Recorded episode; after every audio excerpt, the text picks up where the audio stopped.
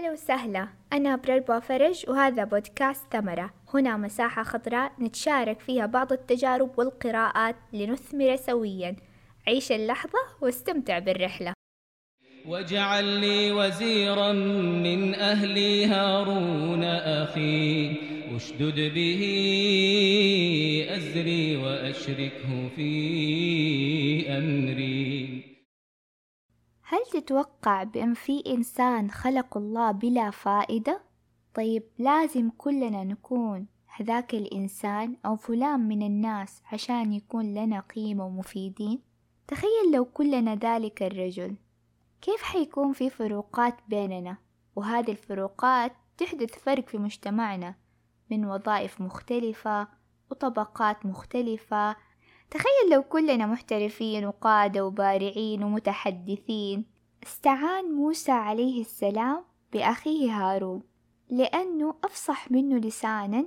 وكان موسى عليه السلام يعاني من عقدة في لسانه. وقيل بأنه أكثر هدوء وانطواء من أخيه هارون.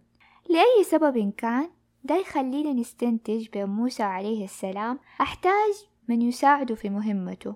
ويخلينا نتفكر كمان ليش ربنا ما أعطى الرسالة لهارون كون هارون الأكمل؟ بدل من يجعل المهمة شراكة بينهم.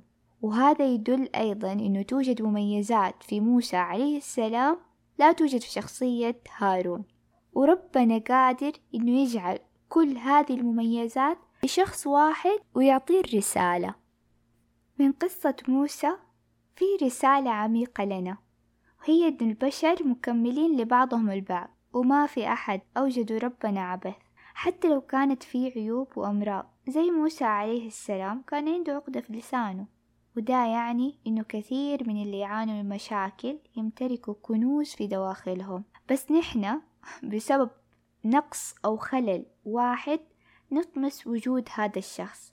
أو حتى بمجرد المحاولة إن نحل دي المشاكل نضخمها في عيونهم كأن الإنسان ما له قيمة.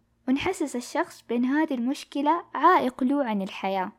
حقيقي البعض يتكلم أمام شخص بأن فشله بسبب وجود لدغة عنده ومسكين يضل هذا الإنسان عقله مشغول بهذه النقطة وينسى إنه ربنا وهبه نقاط قوة. لازم نفرق بين محاولة إصلاح الخلل أو المشكلة وبين جعلها عائق عن الحياة ومحور حياة هذا الإنسان.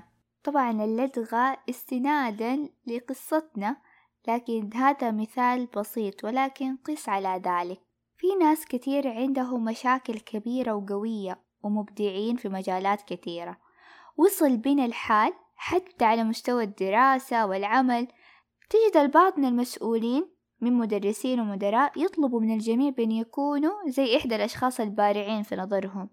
وينسوا إنه توجد فروقات فردية وذكاءات متعددة ولا ما كان وجدوا أثر وقوة العمل الجماعي للوصول للنتيجة المرجوة خاصة لو وظف كل شخص في مكان مناسب له ولإمكانياته.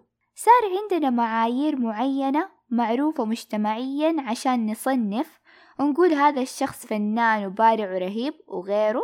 لا. تلاقي الآباء يدفعوا أولادهم نحو هذه المعايير.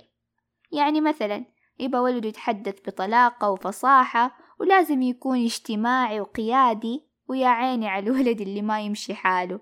يحس إنه عالة وما له فايدة وغير منجز أو مبدع. في عالم في علم النفس اسمه هاورد جاردنر أوجد نظرية وسماها نظرية الذكاءات المتعددة. إيش استفاد من دي النظرية؟